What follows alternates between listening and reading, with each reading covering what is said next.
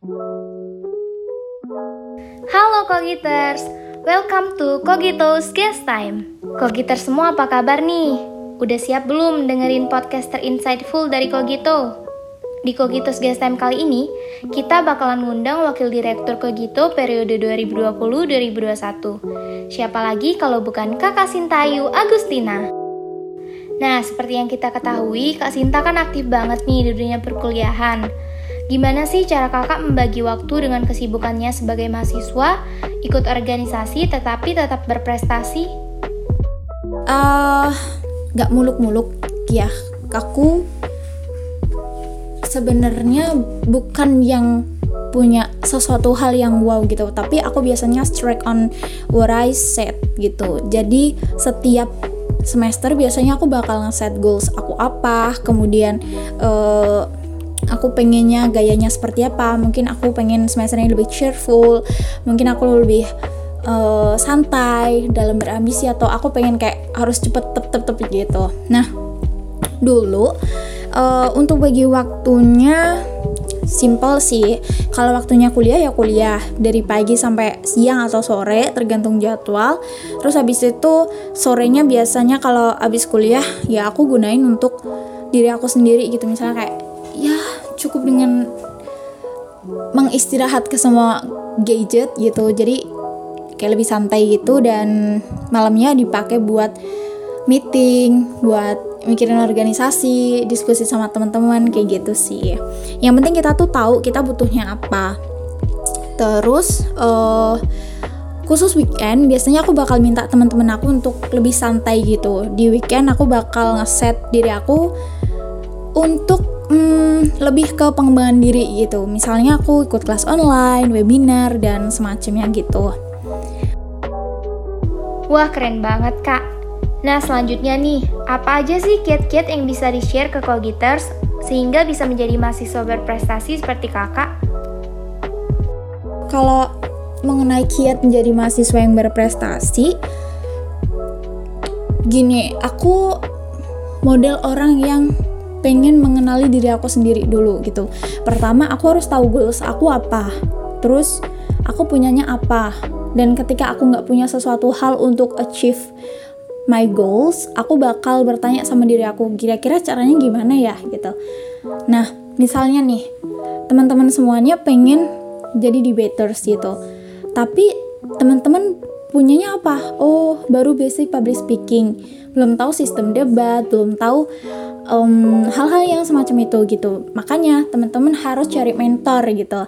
Nah, kebetulan di Kogito ini baik banget dan keren banget semuanya udah terstruktur dengan baik dan kakak-kakak tingkatnya atau tutor dan astornya itu bakalan dengan senang hati membimbing dan kasih masukan tentang dunia debat gitu. Nah, selanjutnya uh, selain kita kenal diri sendiri, kita juga harus aktif nih teman-teman. Jadi harus aktif tuh nggak cuman kita di organisasi, tapi juga di kelas ataupun di eh, kegiatan-kegiatan sosial lainnya supaya kita juga punya relasi yang bagus. Terus nggak lupa kita tuh punya support system yang keren gitu. At least kalau teman-teman pengen berkecimpung di dunia debat harus punya temen yang memang punya tujuan yang sama. Jadi ketika teman-teman mau ikut lomba, udah ada nih timnya, udah ada yang orangnya selalu ngingetin gitu. Nah, untung banget kan guys join Kogito. Kebetulan banget nih, sebentar lagi ada bulan kompetisi. Mengingat Kak Sinta ini udah beberapa kali menangin lomba debat, menurut Kak Sinta, apa aja sih yang perlu diperhatiin ketika kita ikut lomba debat? Uh, simpelnya, kita harus ingat yang uh, yang namanya persiapan. Kita harus fit, kemudian hindari stres, harus bedah mosi kalau emang mosinya udah dibagi, um, atau cukup dengan banyak latihan atau memperbanyak referensi uh, uh, debat. Misalnya nonton debat di YouTube itu kan banyak ya. Terus kita juga bisa diskusi nih sama tim mentor ataupun teman-teman lainnya yang sekiranya bisa kasih insight gitu. Dan di hari H ini pasti penting banget. Nggak boleh ketinggalan. Kuasai emosi dan inget durasi. Please banget sih. Karena uh, kadang tuh kita terlalu asik untuk ngebidas orang lain tapi ternyata waktunya habis gitu ya. Jadi hmm, coba deh dilatih 2-3 menit itu misalnya untuk ngebidas dan sisanya buat uh, kasih argumen gitu oh gitu ya kak kakak sendiri pernah gak sih kayak tiba-tiba kehilangan ide atau ngeblank bingung mau ngomong apa Nah, gimana mengatasi ketika kita tiba-tiba ngeblank saat debat? Um, saran dari aku, kalau misalnya lagi ngeblank dan ini pernah aku lakuin ya, itu aku bakal nanya ke tim lawan, tidakkah ada interupsi gitu? Itu sebenarnya kayak sok nantang, sok jago gitu, tapi karena kita udah lupa gitu mau ngomong apa gitu ya. Tapi ketika kita nanya kayak gitu dan tim lawan itu kasih interupsi itu kan bakal ada hal baru gitu ya. Pembahasan baru yang kita bisa jawab dan ya udah perdebatannya nggak mati gitu. Selanjutnya kalau misalnya memang mereka itu nggak kasih interupsi ya udah kita coba deh kembangin aja bidasan-bidasan yang dari awal kita punya itu dan coba deh kita comparein lebih lanjut hmm, sama argumentasi yang kita juga punya gitu. Nah gitu Kogiters. Terakhir nih kak, mungkin boleh dibagi ke teman-teman Kogiters untuk tips and triknya serta saran ketika kita mengikuti lomba debat.